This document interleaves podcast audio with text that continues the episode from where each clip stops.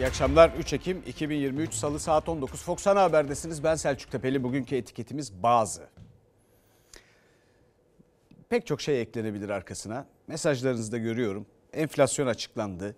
Pek çok bununla ilgilendirebileceğimiz haber var. Ama biz siyasetle başlıyoruz. Biliyorsunuz pazar günü İçişleri Bakanlığı'na yönelik bir terör saldırısı düzenlenmeye çalışıldı, engellendi. Şimdi siyaset neyi konuşuyor peki? Tirolleri konuşuyor. Tirol fitnesi. Tescilli FETÖ'cülerin özellikle Sayın Süleyman Soylu'ya iftira kuyruğuna girmeleri, bazılarının da görevdeki İçişleri Bakanı'nı kötülemeleri ülkemize kurulan bir zaman ayarlı tuzaktır. İçişleri Bakanlığı'na yönelik terör saldırısı sonrası Halef Selef bakanlarla ilgili bir takım sosyal medya paylaşımlarına tepki gösterirken Bahçeli, Süleyman Soylu koltuğu devrettikten sonra ilk kez İçişleri Bakanlığı'ndaydı. İçişleri Komisyonu üyeleriyle geçmiş olsun ziyareti için. Cumhurbaşkanı Erdoğan da saldırıda yaralanan polislerle görüştü. Sesin bayağı dili geldi, hoş geldi. Şükür. Bedelini ağır ödediler. İnşallah bundan sonra da aynı şekilde ağır ödemeye devam. Pazar sabahı Sayın İçişleri Bakanı'nı aradım. Olay hakkında bilgi aldım. Ayrıca İçişleri Bakanı'na uyuşturucu baronlarıyla ve çetelerle yaptığı mücadele dolayısıyla da tebriklerimi ilettim. Bakanlık ve emniyette değişen kadroları arka arkaya gelen suç örgütü operasyonlarını konuşuyordu Türkiye. 1 Ekim pazar günü İçişleri Bakanlığı'na yönelik terör saldırısı gerçekleşti.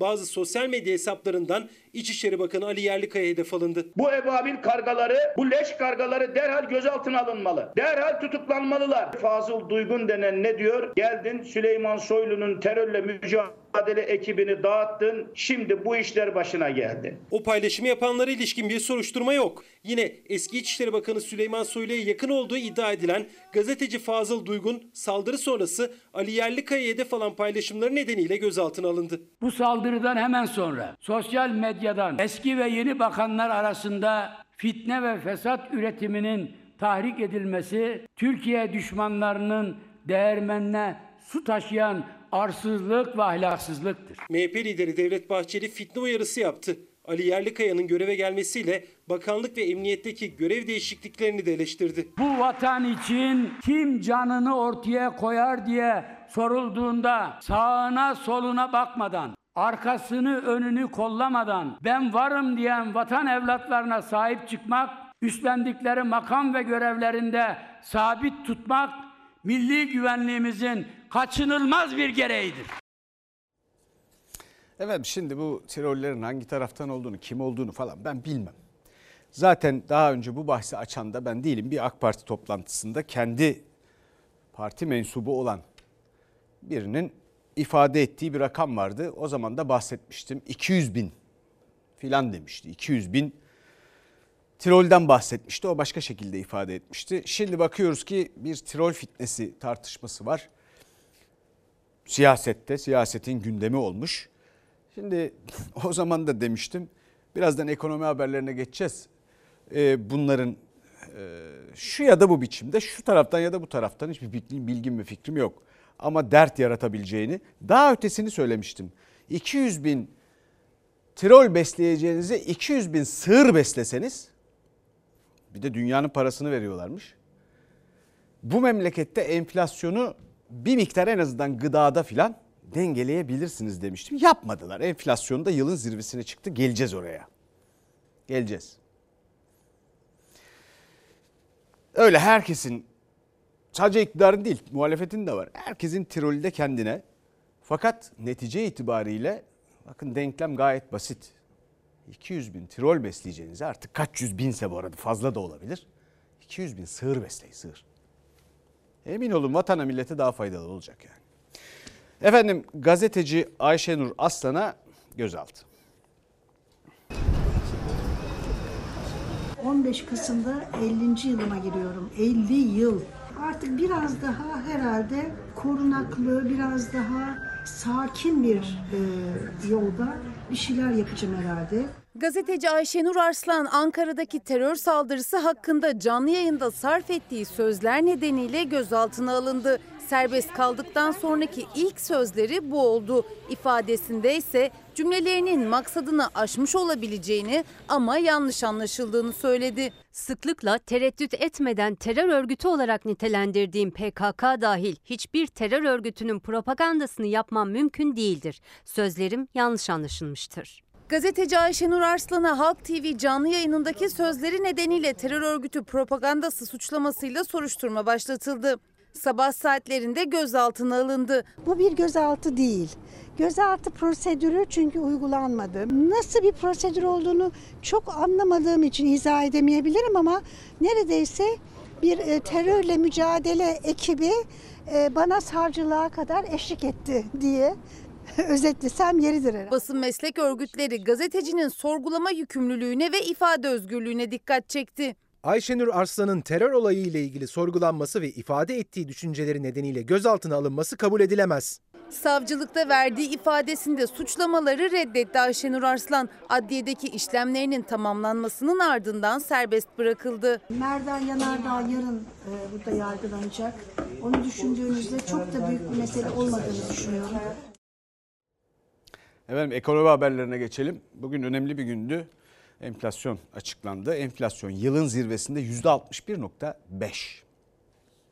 Yine emeklimize, yine işçimize, yine memurumuza düşük maaş verilebilmesi için hazırlanan bir tezgahtır. TÜİK ciddi yalancı bir devlet kurumu haline geldi. Bu enflasyona göre hesap edilecek maaş farklarını asgariye düşürmek için enflasyonu TÜİK ısmarlama olarak aşağı düşürmüş. Temmuz'da 9,49, Ağustos'ta en akın bile ilk kez üzerinde %9,09 enflasyon açıklamıştı TÜİK. Eylül ayı enflasyonunu %4,75 olarak duyurdu. Yıllık enflasyon %61,53. Merkez Bankası Başkanı Hafize Gaye Erkan Plan Bütçe Komisyonu'nda sunum yaptı. Akaryakıt fiyatlarındaki artışların enflasyon üzerindeki dolaylı etkileri doğrudan etkisinden daha yüksektir. Fiyatlama davranışlarında ilave bozulmaya neden olan akaryakıt fiyatları önümüzdeki dönemde de enflasyon üzerinde bir risk unsuru olmayı sürdürecektir. Bu rakamların hiçbirinin bir güvenilir olmadığını çok açık ve net biliyoruz. Manipüle ediyorlar rakamları. Orta vadeli programda yıl sonu enflasyon hedefi %65. TÜİK'in açıkladığı yıllık enflasyon o hedefin 3,5 puan altında. Yılın bitmesine daha 3 ay var. İstanbul Ticaret Odası yıllık enflasyonu %73,18 olarak açıkladı. ENAK'a göre %130,13. Muhalefet TÜİK'e seslendi yine. Memurun emeklinin alacağı zammı hatırlatarak. E burası Tayyip'i üzmeme istatistik kurumu. Temmuz zamları gelmeden önce aynısını yapmışlardı ve oldukça düşük enflasyon rakamları göstermişlerdi ki emeklileri, memurları, devlette çalışan işçileri mağdur etmek için. Çünkü onlara az maaş vermek için. Sanayiye yönelik elektrik ve doğalgaz zamları yıllık enflasyonu arttıracak. 2024 yılında dezenflasyon süreci başlayacaktır. Enflasyonda düşüşü Mayıs ayından itibaren göreceğiz. Fiyat istikrarını tesis etmekte kararlıyız. Ekibimizde Merkez Bankası Başkanı enflasyondaki artış hızının düşeceği tarih olarak 2024 Mayıs'ı işaret etti. TÜİK'in açıkladığı verilere göre yıllık gıda enflasyonu da 75,14'e yükseldi. Eylül'de fiyatı en çok artan üniversite eğitim ücreti %127,72. Herkesin ortak şikayet olan hayat pahalılığı günden güne tesirini kaybedecektir. 21 yıldır milyar dolarları harcadın. Bu memleketin hangi sorununu çözdün? İşsizliği mi bitirdin? Enflasyonu mu düşürdün? 2023 yılının ilk 6 ayında Merkez Bankası 90 milyar TL, hazine 60 milyar TL KKM desteği ödedi. İktidarın kademeli olarak sonlandırmak istediği kur korumalı mevduatın 2023 yılının ilk 6 ayındaki hazineye faturasını da açıkladı Merkez Bankası Başkanı. 150 milyar lira. Gaye Hanım harikalar diyarında. Şimdi öyle ilginç açıklamalar ki o kur korumalı mevduat faizi aç, öden, ödenmiş. Tamam tebrik mi edeceğiz? Başından dedik ki yapmayın bunu. Şimdi marifetmiş gibi ödedik diye söylüyorlar. E bir de Mayıs denmiş. Enflasyon Mayıslar bizimdir yani. Böyle şey olur mu ya? Ya biz kaç Mayıs gördük? Her defasında aynı şeyler söylendi. E şimdi efendim özgeçmişiyle çok pırıltılı insanlar geldi sözde ekonominin başına. Dişe dokunur tek farklı şey hamle yapmadılar. Yine bu ülkedeki dar gelirlinin sırtına yüklediler. kendi hatalarını yani biliyorsunuz tam iki yıl önce kendilerinin isimlendirdiği bir ekonomi modeline geçildi. Ona NAS ekonomi modeli dediler. O zaman o yapılmasaydı şimdi bu enflasyon olmayacaktı. Bu kur korumalı mevduatta bu kadar para verilmeyecekti. Efendim kur da böyle bir yerlere bu kadar gitmeyecekti falan filan. Sonra Gaye Hanım diyor ki Gaye Erkan Merkez Bankası Başkanı fiyatlama davranışlarındaki bozulma fiyatlama davranışlarının bozulacağını benim dilimde tüy bitti 3 senedir burada ne yapılıyorsa hangi ekonomi modeli uygulanıyorsa her birinde söylemeye ve anlatmaya çalıştık. Her dilde, her lisanda anlatmaya çalıştık. Fiyatlama davranışlarındaki bozulmayı da akaryakıt fiyatlarına, doğalgaza filan bağlamış Gaye Hanım. Şimdi akaryakıt fiyatlarında bir süredir düşüş var bir kere bir artış yok. Üstelik 2022 yılı boyunca daha öncesine göre 21-22 arasına göre daha istikrarlı gidiyor gibi görünüyor. Belli bir çizgisi var.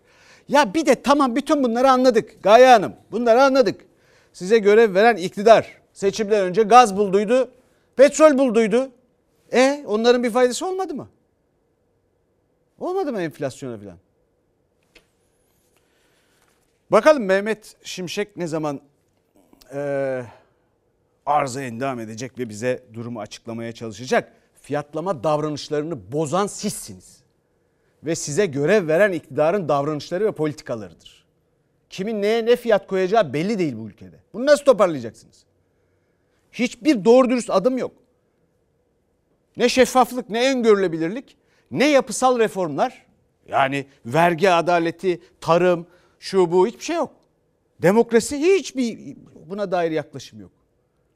Dar gelirlerin üstüne angarya bir takım vergiler şunlar bunlar.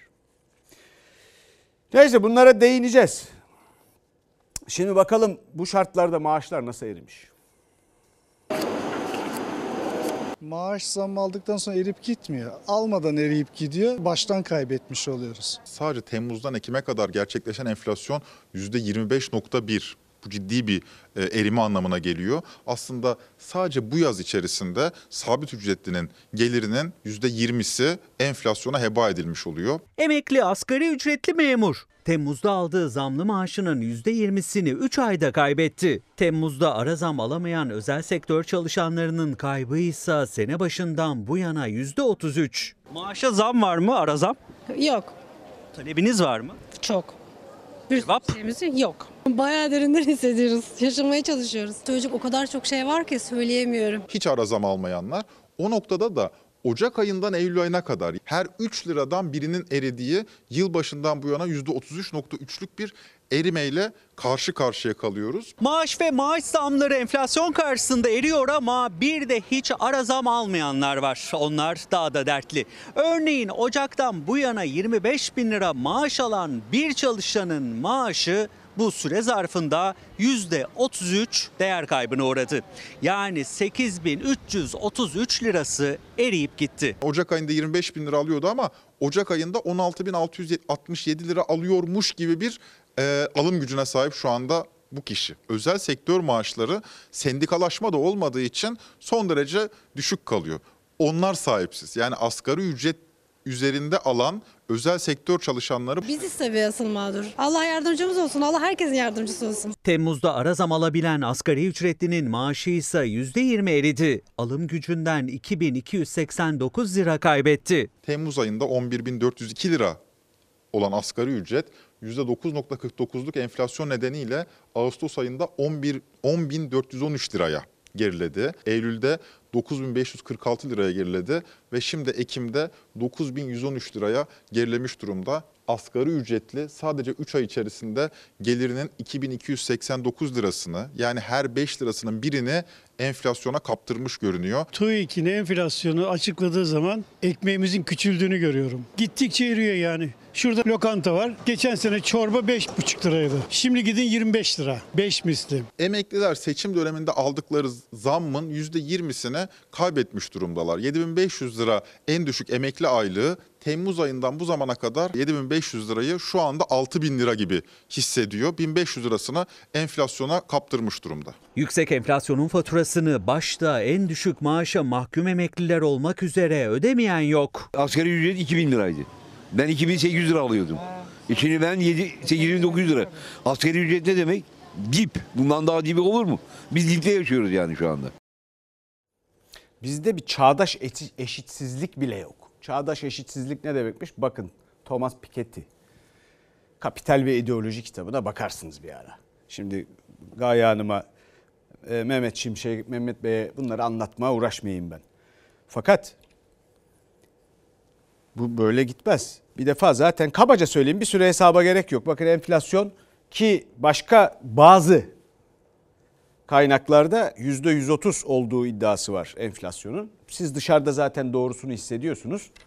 Bize ne iyileştirme yapıldı, yapılmadı bunlar baştan zaten alınıyor elinizden. Dolayısıyla biz gölgemizi yakalamak zorunda bırakılıyoruz ki mümkün mü? Değil.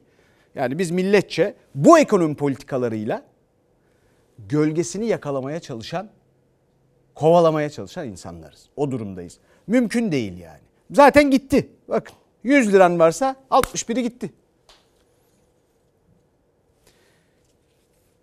Emekliye de tabii bu arada niye böyle rahat davrandıklarını söyleyeyim. Onlar sizden kredi aldıklarını düşünüyorlar. Dolayısıyla bir de bunu anladığım kadarıyla kötüye de kullanıyorlar. Baş verin biz onlara zam yapmayalım. Efendim bu zararları kendi politikalarımızdan kaynaklanan zararları üstlerine yükleyelim. İşte o çağdaş eşitsizlik değil. Ansiyen rejim, eski. Çok eski.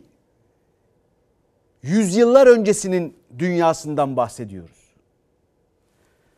Ona göre idare ediliyor. Ya bunu bu ülkedeki herkes istediği kadar hata yapsın zaten bu kadar kötü yönetir ekonomiyi. Ben size söyleyeyim ya.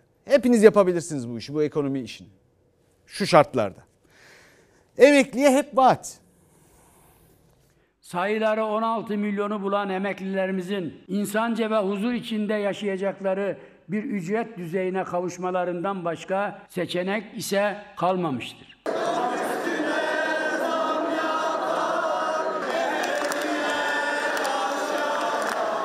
Cumhur İttifakı ortağı Devlet Bahçeli'nin emekli maaş artışları ile ilgili iktidara çağrısından birkaç saat sonra CHP grubu 7500 TL ile geçinemiyoruz diyen emekliler yasal düzenleme için topladıkları metrelerce uzunluktaki imzalarla seslendiler. Sayın Cumhurbaşkanım, emekli maaşları ile ilgili sizden gelecek haberi bekliyor emekliler. Çalışma Bakanı ve Binali Yıldırım Ekim ayı demişti. Peki yılbaşına gelmeden bir zam müjdesi duyulur mu? İnşallah. İnşallahına maşallahına olmaz kızım. Kendisi nasıl geçiniyorsa halkın da öyle geçindirmesi lazım. Ev Çankaya'da da ekmeğe tabureye geliyoruz. Hiç otobüsü bedava olmasa ona da gelemezsin. Meclisin açıldığı 1 Ekim'de emekliye zam müjdesi için inşallah demişti Cumhurbaşkanı Erdoğan.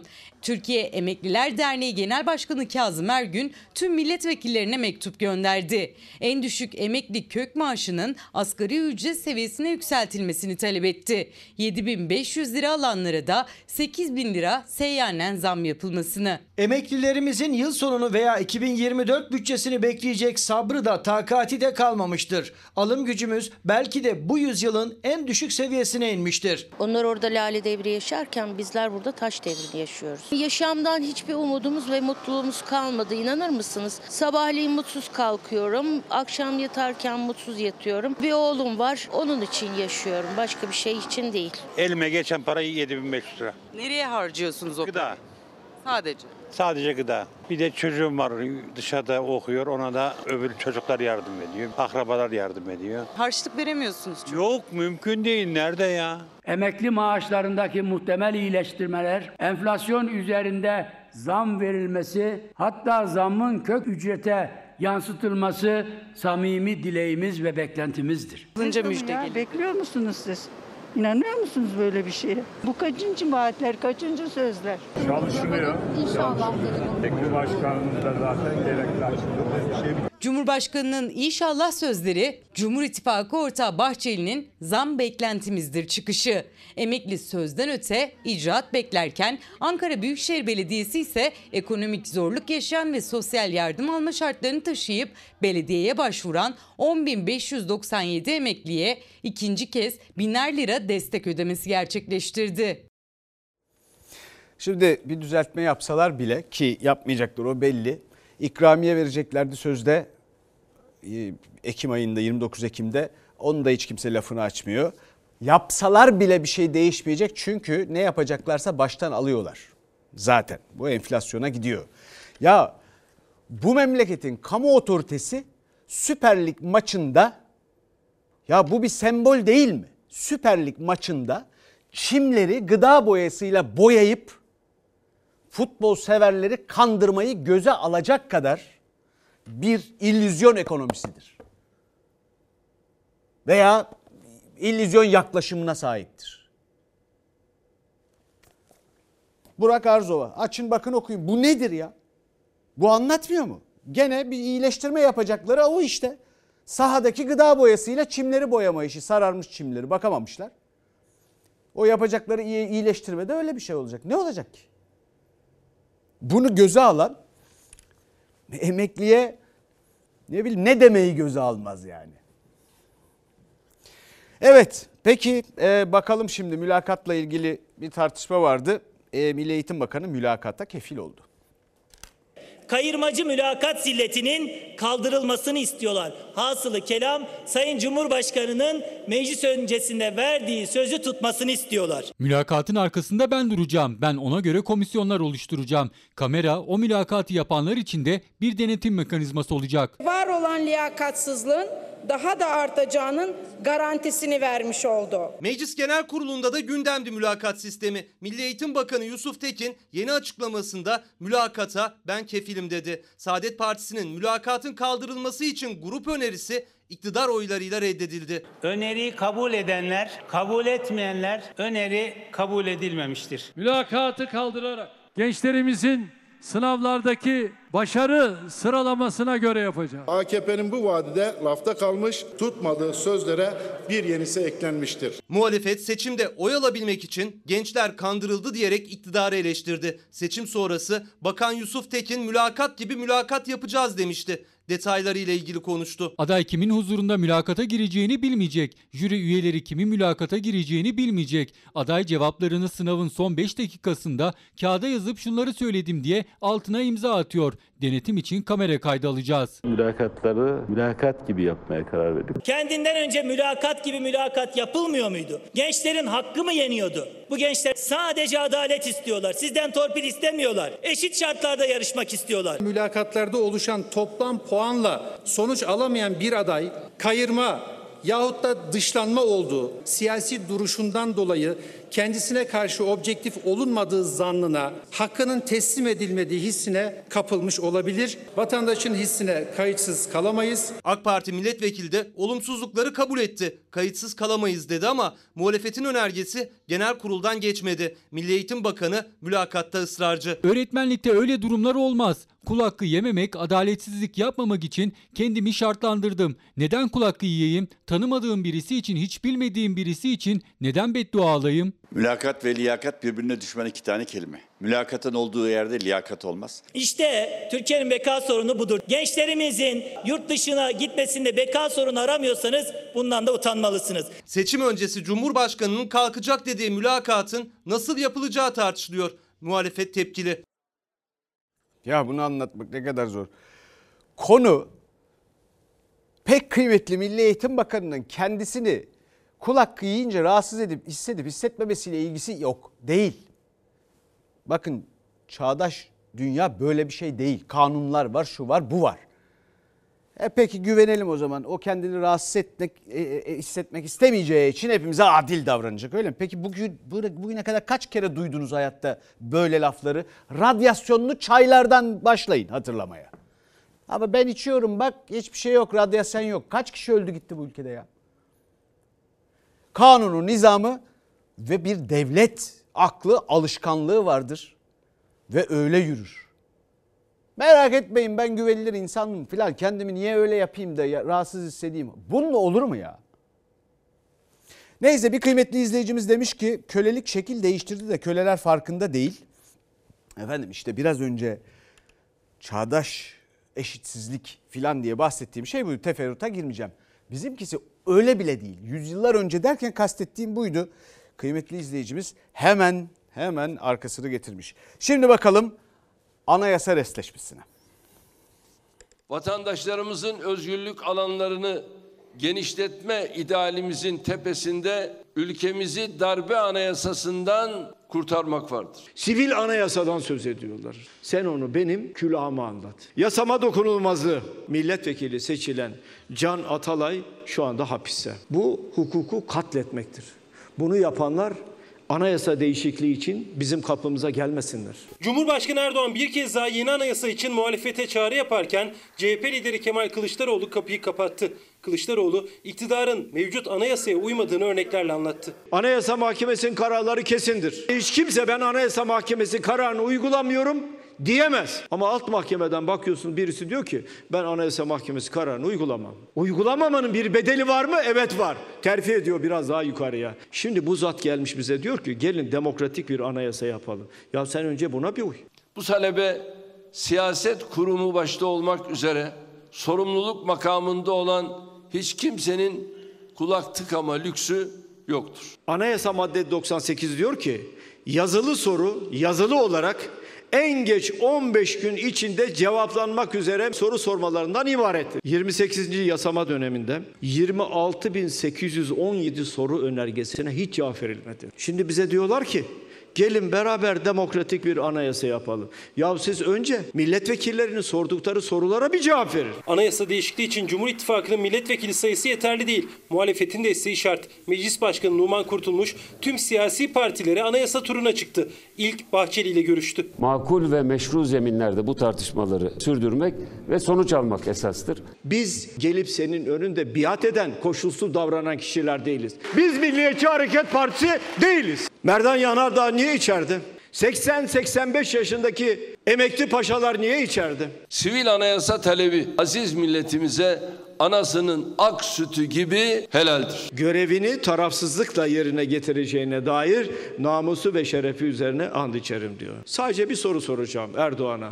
Namus ve şeref kavramından sen ne anlıyorsun? Demek ki Erdoğan gerçek anlamda, demokratik gerçek anlamda bir sivil anayasa falan istemiyor. Onun kafasında başka şeyler var. Buradan yola çıkarak acaba biz muhalefeti nasıl kandırırız? Milleti nasıl kandırırız arayışı içinde. İyi Parti yeni anayasaya destek şartını güçlendirilmiş parlamenter sisteme dönüş olarak açıkladı. Deva, Gelecek ve Saadet Partileri iktidarın teklifini görelim diyor. Kılıçdaroğlu ise mevcut uygulamalara dikkat çekerek iktidarın anayasa çalışmasına destek vermeyeceğini söylüyor.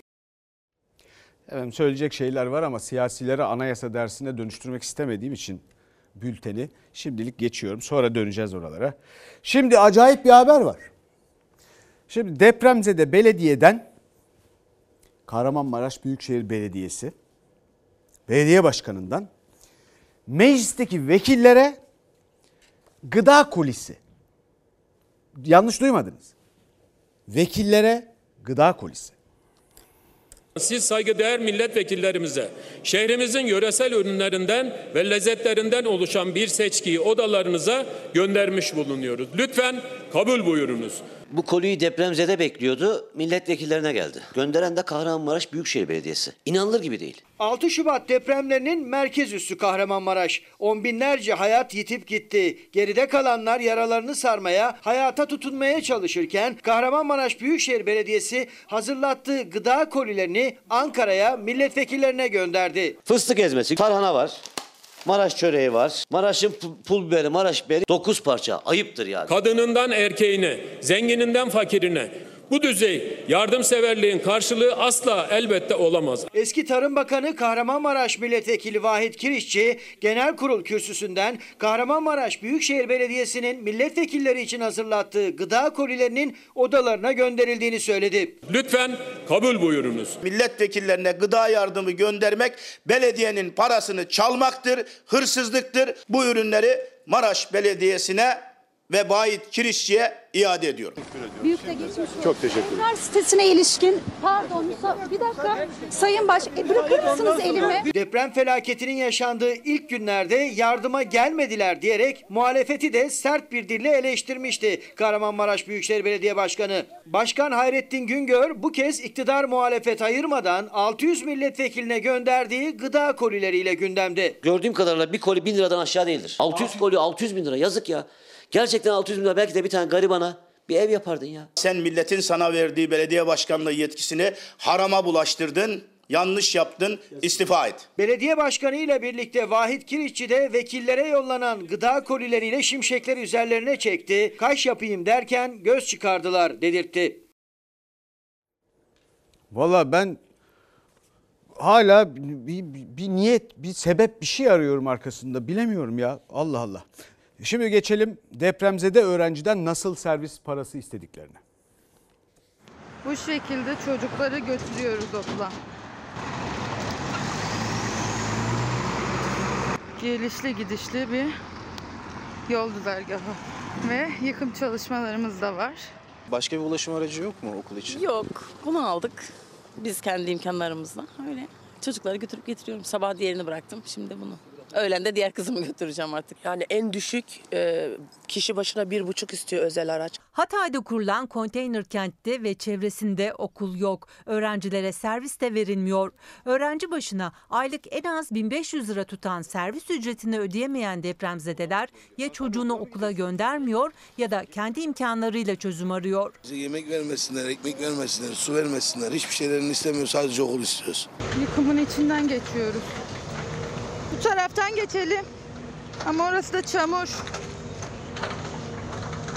Beş tane çocuğum var, yedi buçuk milyar para yapıyor. Hangi birine ben yetiştireyim? Zaten iş yok, güç yok. Hatay ölmüş, ölü bir şehir yani. Ödeyebilecek olsak burada yaşamaya göze alamayız. Yaklaşık 200 aile var bu konteyner kentte. Onlarca da öğrenci. Öğrencilerin okula gitmesi gerekiyor ama konteyner kentin etrafında ne bir okul var ne de öğrencilerin okula gidebileceği bir servis. Sabah 5'te kalkıyorum önce oğlumu bırakıyorum. Kaç kilometre buradan? Buradan 10 kilometre var. Yani araba kiraladım bir tane onunla götürüyor. Kızımı götürüyorum liseye gidiyor. En sonunda bu çocuğu götürüyor. Bununki 15 dakika. Diğerininki 1 saat Narlıca 10 kilometre gidiş ve geliş. Dağın tepesinde tabii. Siz de motosikletle gideceksiniz galiba. Mecburiyetten 1500 lira aylık istiyorlar.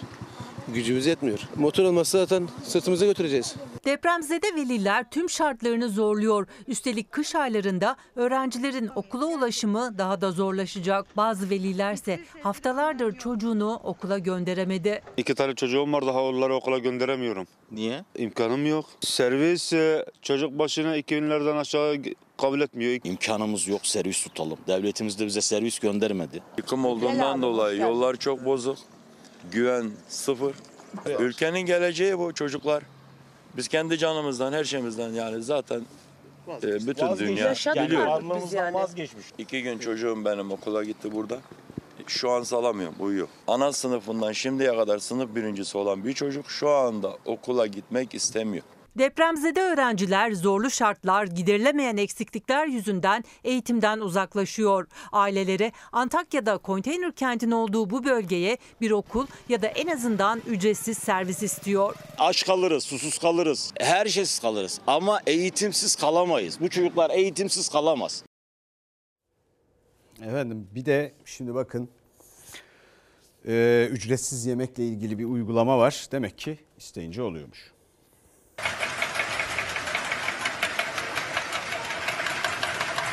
Üniversitelerin yeni akademik yılı zamlarla başladı. Ege Üniversitesi yemekhanesinde geçen sene 6,5 lira olan yemek ücreti 20 liraya çıkarıldı. Öğrenciler %200 aşan zam oranını çatal kaşıkları masalara vurarak protesto etti. Tüm kademelerde olduğu gibi üniversite öğrencileri de ücretsiz yemek talep ederken Batman Üniversitesi Belediye ile protokol imzaladı. 16 bin öğrenciye ücretsiz yemek veriliyor. Sanırım Türkiye'de tek ücretsiz veren üniversite biziz. Bir üniversiteli öğrenci için çok önemli. Öğrencilere. Öğrenci bütçesine bir katkıda bulunmuş olmanın onurunu yaşıyoruz, gururunu yaşıyoruz. Eğitim öğretime çok olumlu yansıyor. Yemek fiyatları çok fazla arttı. Bir zam haberi de İstanbul Üniversitesi'nin yemekhanesinden geldi. Geçen sene 6 lira olan yemek ücreti bu yıl 15 liraya çıktı. Yapılan zam %100'ün üzerinde. Öncesinde haftalığımızı daha da bir yettirebiliyorduk. Ama şimdi %100'ün üzerinde bir zam oldu. Şaşkınız. Bursumuz mesela 1200 TL ona zam gelmedi ama buna zam geldi. KYK kredisine zam Ocak'ta geliyor. Ama bu yemek zammı, ulaşım zammı öğrenciler için Eylül ayında başlıyor. Ve biz bu Eylül'den Ocağa kadar olan zamanda eski ücrete göre para alıp yeni ücrete göre ödüyoruz. Ve gerçekten sürünüyoruz biraz. Öğrencilerin aldığı KYK bursu 1250 lirayken İstanbul Üniversitesi'nde okuyan bir öğrencinin aylık yemek ücreti iki öğün bile yediğinde yaklaşık 1000 liraya denk geliyor. Sadece okulun yemekhanesinden yemek yese bursundan geriye 350 lira kalıyor. Ben tekstil işinde çalışıyorum mesela. Çünkü ekstra bir kazanç elde etmem gerekiyor. E bir tek burada değil dışarıda kendi sosyal hayatımda da ihtiyaçlarım oluyor. Bir gelir kaynağı ekstra olması gerekiyor. Üstelik üniversitelerin açıldığı ilk günde yemek tükendi. Öğrencilere sıcak yemek yerine konserve servis edildi. Öğrencinin de en büyük temel e, ihtiyacı yemek, barınma olduğu gibi e, okulların da bunu karşılaması gerektiğini düşünüyorum. Ücretsiz de e, olsa iyi olur diye düşünüyorum. Erciyes Üniversitesi de sosyal medya hesabından bir duyuru yaptı. Öğrenciler için askıda yemek uygulaması başlatıldı. Ödeneklerin üniversiteler tarafından nereye harcandığını ise merak ediyor öğrenciler. 2024 yılı için ayrılan ödenekte 10 milyar 637 milyon lirayla İstanbul Üniversitesi ilk sırada. İstanbul Üniversitesi Türkiye'deki en büyük ödeneği alan üniversite. Dolayısıyla yemeği ücretsiz verebilecek kapasitede bir üniversite aynı zamanda. Ama tabii hani bu yapılmıyor. Kadına karşı şiddet. Efendim 793 bin kadın imdat dedi. Şiddet görüyorsanız veya şiddet görme ihtimaliniz varsa Kadın Destek Uygulaması KADES'le en hızlı şekilde yardım alabilirsiniz. Kadınların telefonlarına yüklediği var mı? Şöyle evet var sizde. Şurada. Ne zaman yüklediniz? Geçen günlerde yükledim. Herkesin bence indirmesi gereken bir uygulama. 155 aradığımızda hemen ulaşmak bazen mümkün olamayabiliyor. Ama bu uygulamayla daha kısa sürede ulaşabiliyorsunuz. Yaklaşık 3 dakika 5 dakika içerisinde e, dönüş yapıyorlar. Bu şekilde bence indirilmesi gereken bir uygulama ki Türkiye'de zaten çok artan bir şey. Acil durumlar için destek çağrısında bulunulabilen KADES uygulamasını telefonuna indiren kadınların sayısı çığ gibi büyüdü. 5 milyondan fazla kadının cep telefonunda bu uygulama yüklü artık. İhbarda bulunanların sayısı ise ilk 3 yılda 30 bindi, 793 bine yükseldi. Önüne geçilemeyen kadın cinayetleri şiddet, kadınlar can güvenliğinden endişe ediyor. KADES uygulaması cep telefonu uygulamalarından telefona yükleniyor ve kadınlar ihtiyaç duyduklarında yardım iste butonuna basıyor. Son yıllarda sadece aile içi şiddete karşı değil, sokaktaki tehlikelere karşı da kadınlar KADES'e yoğun ilgi gösterdi. Karanlıkta zaten yürümeye korkuyoruz maalesef. Bir şey olur, bir şiddete uğrarız, bir şeye maruz kalırız. Etrafınızda kimlerde yüklü bu uygulama? Yakın çevremde konuştuğum arkadaşlarıma he- hepsine öneriyorum yani yükleyin bir şey olur. Olabilir. Dediler mi? Bizde. Evet evet. Son ay gerçekleşmiş olan 32 kadın cinayeti, 18 şüpheli kadın ölümü gerçekleşmiş durumda ve bu kadın cinayetlerinin büyük çoğunluğu kadınlar en yakınlarındaki erkekler tarafından öldürülüyor durumda. Maalesef ki şüpheli kadın ölümleri artmakta. Şiddetin, cinayetlerin sona erdirilmesi ve kadınların eşitlik mücadelesinin duyulması için meclisteydi kadınlar. Muhalefet partilerinin temsilcileriyle buluştular. Kaygılıyız.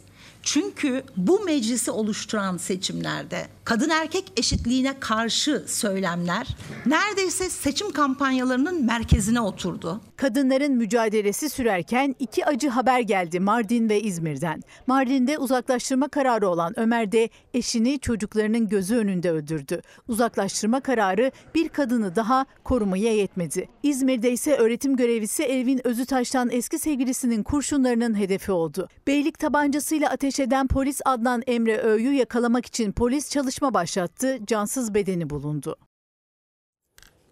Efendim şimdi biliyorsunuz bir haber dizimiz var.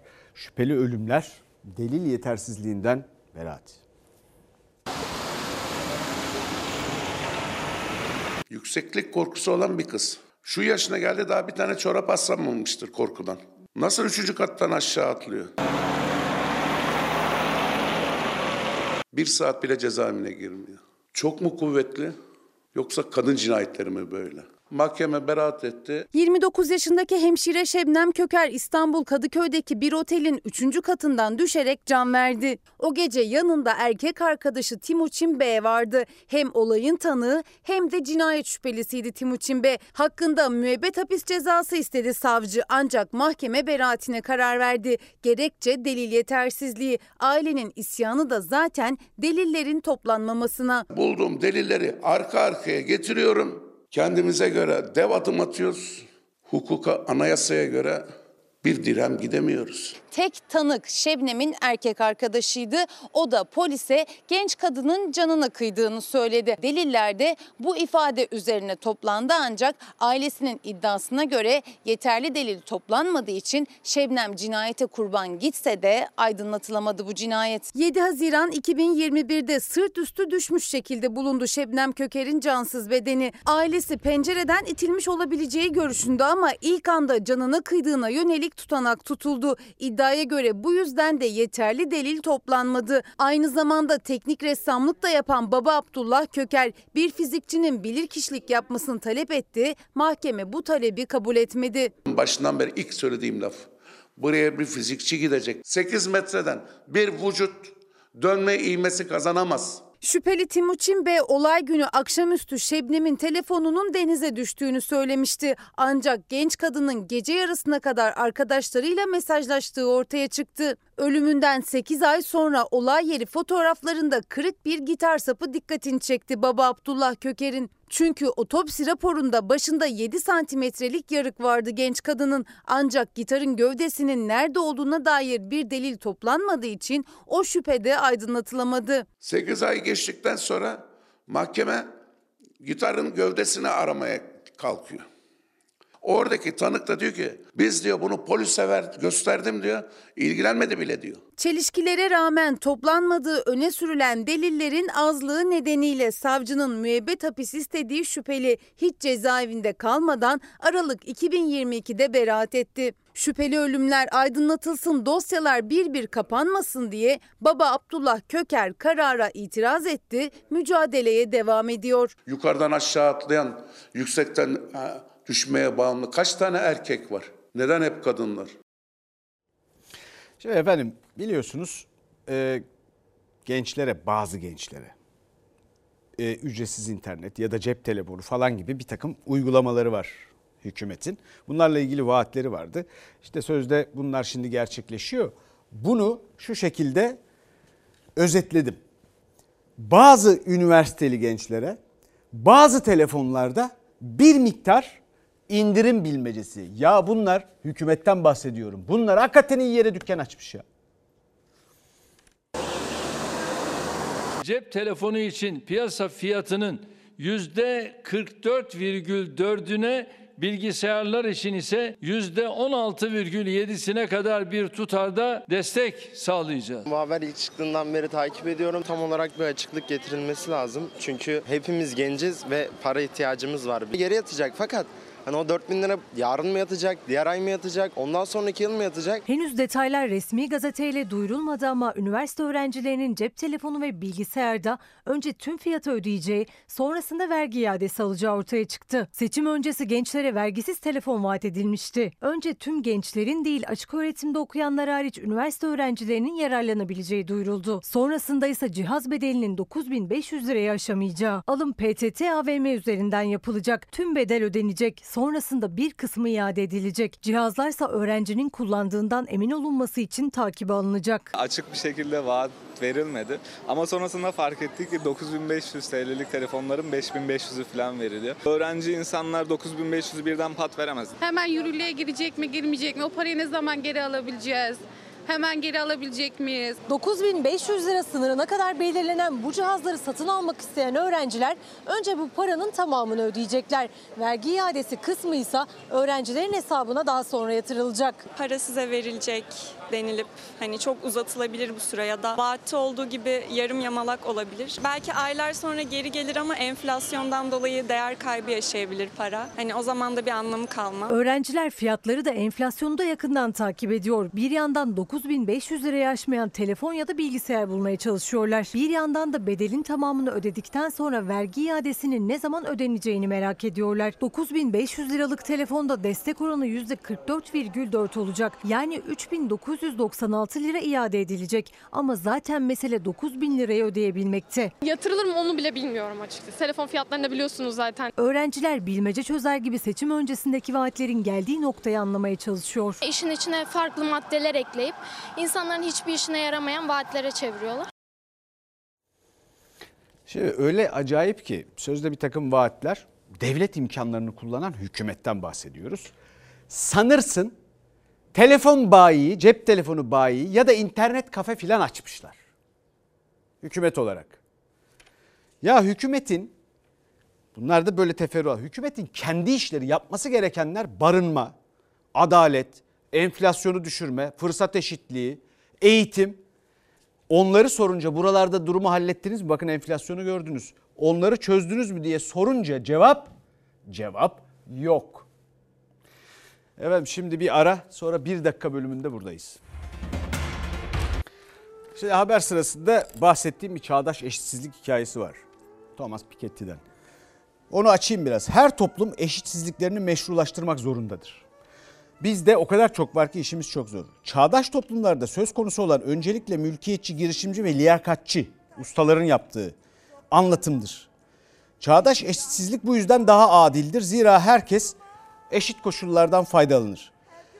Efendim daha öncekilerse eski daha yüzyıllar öncesindeyse katı, gelişi güzel ve çoğunlukla despotik statü farklarına dayanan eşitsizlikler vardır ve bu büyük bir meseledir. Şimdi çağdaş eşitsizlik hikayesi bugünün hikayesi. O da bozuldu ya neyse. Dolayısıyla anlatmaya çalıştığım şey buydu. Efendim bizden sonra Yabani var yeni bölümüyle iyi seyirler. Dolu